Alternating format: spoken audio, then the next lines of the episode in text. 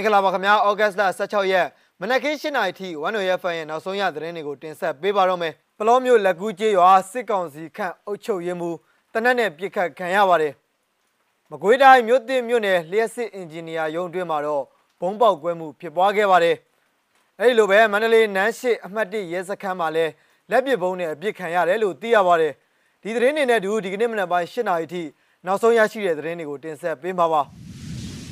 ပထမဆုံးအနေနဲ့တင်ဆက်ပေးခြင်းတဲ့သတင်းတစ်ပုဒ်ကတော့တနင်္လာရီတိုင်းဒေသကြီးဘိတ်ခရိုင်ပလောမြို့နယ်အတွင်းမှာရှိတဲ့စစ်ကောင်စီခန့်လက်ကူးကျေးရွာအုပ်ချုပ်ရေးမှူးဦးသက်နိုင်ဟာဩဂတ်စ်လ14ရက်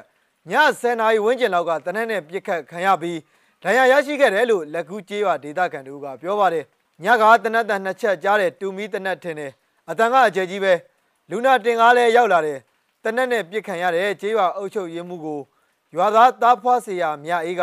အရေးပေါ်လူနာတင်ကားခေါ်လာပေးဖို့အရေးကြီးခဏခဏဆက်သွယ်ခေါ်ယူပေးခဲ့လို့အခုလိုအုပ်ကြီးကံကောင်းခဲ့ရတာဖြစ်တယ်လို့ဒေသခံကပြောပါတယ်တနက်ပြစ်ခရမှုကြောင့်ကျေးရွာအုပ်ချုပ်ရေးမှူးဦးသက်နိုင်ရဲ့လေဘင်းကိုခဲကြီးနှစ်ချက်ပခုံးကိုခဲကြီးလေးချက်နဲ့နောက်ကျောကိုကြီးနှစ်ချက်ထိမှန်ခဲ့ပြီးတော့လက်ရှိချိန်မှာတော့အသက်အန္တရာယ်မစိုးရင်ရတော့ပဲစကားပြောနေနိုင်ပြီလို့သိရပါတယ်အာနာသိစစ်ကောင်စီကလက်ကူးကျေးရွာအုပ်ချုပ်ရေးမှူးဦးသက်နိုင်ရဲ့နေအိမ်မှာပြီးခဲ့တဲ့ဇူလိုင်လ9ရက်နေ့ကလည်း လက်လုံဘုံခွဲခံရသေးတဲ့အကြောင်းဒေသခံတွေရဲ့ပြောပြချက်အရသိရပါတယ်ပထမဆုံးအချိန်နေအိမ်ဘုံပေါက်ခဲ့တဲ့အချိန်တုန်းကလက်ကူးကျေးရွာအုပ်ချုပ်ရေးမှူးဦးသက်နိုင်ဟာအုပ်ချုပ်ရေးမှူးအဖြစ်ကနေနှုတ်ထွက်စာတင်ကြောင်းပြောဆိုခဲ့ပေမဲ့လက်ရှိချိန်ထိကျေးရွာအုပ်ချုပ်ရေးမှူးအဖြစ်ဆက်လက်လုပ်ကိုင်နေသေးတယ်လို့ဒေသခံတွေကပြောကြပါတယ်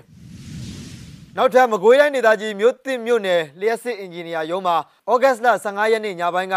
ဘုံပေါက်ကွဲခဲ့ကြောင်းဒေသခံတွေထံကသိရပါတယ် ဘုံပေါက်တန်၃ချက်ကြားလိုက်ရတဲ့နေရာတိကျတော့မပြောတတ်ဘူးမြို့ထဲမှာပဲအတန်ကတော်တော်ကျယ်တယ်လို့ဒေသခံတို့ကဆိုပါတယ်အဲ့ဒီပေါက်ကွဲမှုမှာဗိတ်တနိုးနယ်မြေပြည်သူ့ကာကွယ်ရေးတပ်မတော်ကဖောက်ခွဲခဲ့တာဖြစ်တယ်လို့ဘုံပေါက်ကွဲပြီးနိုင်ပိုင်းတွင်ဗိတ်တနိုး PDF ကထုတ်ပြန်ပါတယ်ထုတ်ပြန်ချက်မှာတော့မကွေးတိုင်းဒေသကြီးမြို့သစ်မြို့နယ်မြို့နယ်လျှက်စစ်အင်ဂျင်နီယာရုံးဟာပြည်သူတွေထံကမီတာကအတင်းအကျပ်ကောက်ခံနေတဲ့အတွက်ကြောင့်မြို့နယ်လျှက်စစ်အင်ဂျင်နီယာရုံးကိုဩဂတ်စ်လ15ရက်နေ့ ည8:20မိနစ်မှာဘုံခွဲသတိပေးခဲ့ကြောင်းဗေဒနိုးနယ်မြေပြည်သူ့ကာကွယ်ရေးတပ်မတော်ကသတိပေးစာထုတ်ပြန်ခဲ့တာလို့ဖော်ပြထားပါတယ်ဗေဒနိုးနယ်မြေပြည်သူ့ကာကွယ်ရေးတပ်မတော်အနေနဲ့မြို့နယ်လျှက်စစ်အင်ဂျင်နီယာရုံးကပြည်သူ့ရေးထံကမီတာကကောက်ခံနေမှုကိုရပ်တန့်ဖို့ထုတ်ပြန်ကြမှာဖော်ပြထားပါတယ်ဗေဒနိုးနယ်မြေပြည်သူ့ကာကွယ်ရေးတပ်မတော်နဲ့မြို့နယ်လျှက်စစ်အင်ဂျင်နီယာရုံးကိုဘုံခွဲသတိပေးခဲ့ပြီးတာဝန်ရှိသူတွေအနေနဲ့ဆက်လက်ပြီးတော့မီတာကကောက်ခံနေမယ်ဆိုရင်နန်စီရီယန်ဝန်ထမ်းတွေ သူတို့ရဲ့မိသားစုဝင်တွေနဲ့ဆက်ဆက်သူတွေရဲ့အသက်အိုးအိမ်စည်းစိမ်တွေကိုလုံးဝတာဝန်ယူမှာမဟုတ်ဘူးလို့ထုတ်ပြန်ပြောဆိုထားပါတယ်။နောက်ထပ်မန္တလေးနန်းရှိအမှတ်၁ရဲစခန်းမှာလည်းလက်ပစ်ဘုံနဲ့ပြစ်ခတ်ခံရပါတယ်။မန္တလေးနန်းရှိအမှတ်၁ရဲစခန်းလက်ပစ်ဘုံနဲ့ပြစ်ခတ်ခံရတယ်လို့ဒေသခံတွေရဲ့သတင်းပေးပို့ချက်အရသိရပါတယ်။ဩဂတ်စ်လ15ရက်ည10:00နာရီကျော်မှာအဲ့ဒီရဲစခန်းမှာလက်ပစ်ဘုံနှလုံးနဲ့အပြစ်ခံရတာပါ။လက်ပစ်ဘုံနဲ့လာရောက်ပြစ်ခတ်မှုကြောင့်အထူးကိရှိနိုင်တယ်လို့ဒေသခံချို့ကဆိုပေမဲ့ တိကျအတည်ပြုနိုင်တာတော့မရှိသေးပါဘူး။အမတ်တရဲစခန်းမှာအခုလိုတိုက်ခိုက်ခံရခြင်းဟာဆယ်ရက်တာကာလအတွင်းမှာဒုတိယအကြိမ်မြောက်ဖြစ်ပါတယ်။လက်ရှိချိန်မှာတော့ရဲစခန်းအနီးနားမှာရှိတဲ့လမ်းတွေကိုစစ်ကောင်စီတပ်ဖွဲ့ဝင်တွေကပိတ်ဆို့စစ်ဆေးမှုတွေလှုပ်ဆောင်နေတာလုံခြုံရေးတင်းကျပ်ထားတယ်လို့သိရပါတယ်။နောက်ထပ်တင်ဆက်ပေးခြင်းတဲ့သတင်းတစ်ပုဒ်ကတော့ကြောင်မဲစစ်ဆောင်စခန်းမှာ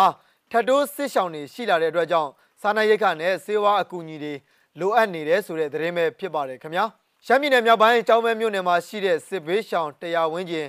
ထတ်တိုးတဲ့အပြင်တီဘောနဲ့ကြောင်ဝဲမှာရှိတဲ့စစ်ရှောင်တွေ1600ကျော်ရှိလာတဲ့အတွက်စားနပ်ရိက္ခနဲ့ဆေးဝါးလိုအပ်နေတဲ့ကြောင်းစစ်ရှောင်စခန်းနဲ့နှိစက်သူတွေထံကသိရပါတယ်။ရှမ်းတပ်မတော် RCSS နဲ့တအောင်းတပ်မတော် TNLA နဲ့ရှမ်းတပ်မတော် SSPB တို့အကြားရှမ်းပြည်နယ်မြောက်ပိုင်းကြောင်မဲမြို့နယ်ထဲမှာစစ်ရေးတင်းမာမှုတွေကြောင့်စစ်ဘေးရှောင်တရားဝန်းကျင်ထပ်ပြီးတော့တိုးလာတာဖြစ်ပါတယ်။ထပ်တိုးစစ်ဘေးရှောင်ပါဝင်ဒီကနေ့ထိ ကြောင်မဲနဲ့တီဘောမြို့နယ်ထဲမှာစစ်ဘေးရှောင်နေရသူ1600ကျော်အထိရှိလာနေပြီးစားနပ်ရိက္ခနဲ့ဆေးဝါးအကူအညီတွေလိုအပ်နေပါတယ်။တပ်ဖွဲ့ဝင်တွေကြားမှာစစ်ရေးတင်းမာမှုတွေကြောင့်တိုက်ပွဲဖြစ်လာမှာကိုစိုးရိမ်နေကြတဲ့ဗန်ဆယ်ကျေးရွာခံတွေဟာကျူလျှောက်မြောက်ရွာကိုအိမ်အောင်စု28စုလူဦးရေ62ဦးတင်းချောင်လာခဲ့ကြတာလို့သိရပါတယ်။ပန်ဖြတ်ပန်ကွမ်ကျေးရွာတွေမှာဩဂတ်17ရက်ကပြင်းထန်တဲ့တိုက်ပွဲဖြစ်ပွားခဲ့ပြီးတော့ဒေသခံ240ကျော်ဟာလွယ်ကုံမိုင်းတင်း နတ်စော့ကျေးရွာနဲ့မြို့ဘက်ကိုတင်းချောင်ခိုလုံနေရတယ်လို့သိရပါတယ်။အလားတူပဲဇွန်လပထမပတ်မှာလည်းအဲ့ဒီတပ်ဖွဲ့ဝင်တွေကြားတိုက်ခိုက်မှုတွေကြောင့်မိုင်းငေါ့မှာ480ဦးနဲ့မြို့ပေါ်မှာ262ဦးစုစုပေါင်း932ဦးတင်းရှောင်နေရဆဲဖြစ်ကြောင်းဒေသခံတွေထံကသိရပါတယ်မေလတတိယပတ်မှာတီဘောမြို့နယ်နတ်လန်မြို့မန်လီရွာမှာစစ်ရှောင်250ကျော်နဲ့ဩဂတ်9ရက်ကကောင်းကော်ရွာဘက်မှာလူဦးရေ300ကျော် တိတ်ဆောင်လာကြပြီးနေရက်ကိုပြန်နိုင်ခြင်းမရှိရသေးပါဘူး။ကောင်းကော်ရွာဘက်ကိုပြေးလာကြတဲ့စစ်ဘေးရှောင်တွေမှာလာသားရွယ်ကလေးငယ်တွေလည်းပါဝင်နေတယ်လို့စစ်ရှောင်တဲ့နှိစက်သူတွေထံကသိရပါတယ်။ဒီဘောမြို့နယ်ထဲမှာ SSPB နဲ့ RCSS ကြောင်မဲမြို့နယ်မှာတော့ RCSS နဲ့ TNL SSPB ပူးပေါင်းတပ်တွေတိုက်ပွဲဖြစ်ပွားနေကြတယ်လို့သိရပါတယ်။ဒီကနေ့မနက်ပိုင်းရဲ့နောက်ဆုံးသတင်းပုတ်အနေနဲ့ဖားကန့်မြို့နယ်တွေကဆီယနာရှင်စန့်ကျင်ရေးခြိတက်ဆန္ဒပြကြတဲ့တပိတ်စစ်ကြောင်းတစ်ခုကိုလည်းဖွင့်ပြပေးခြင်းပါတယ်ခင်ဗျာ။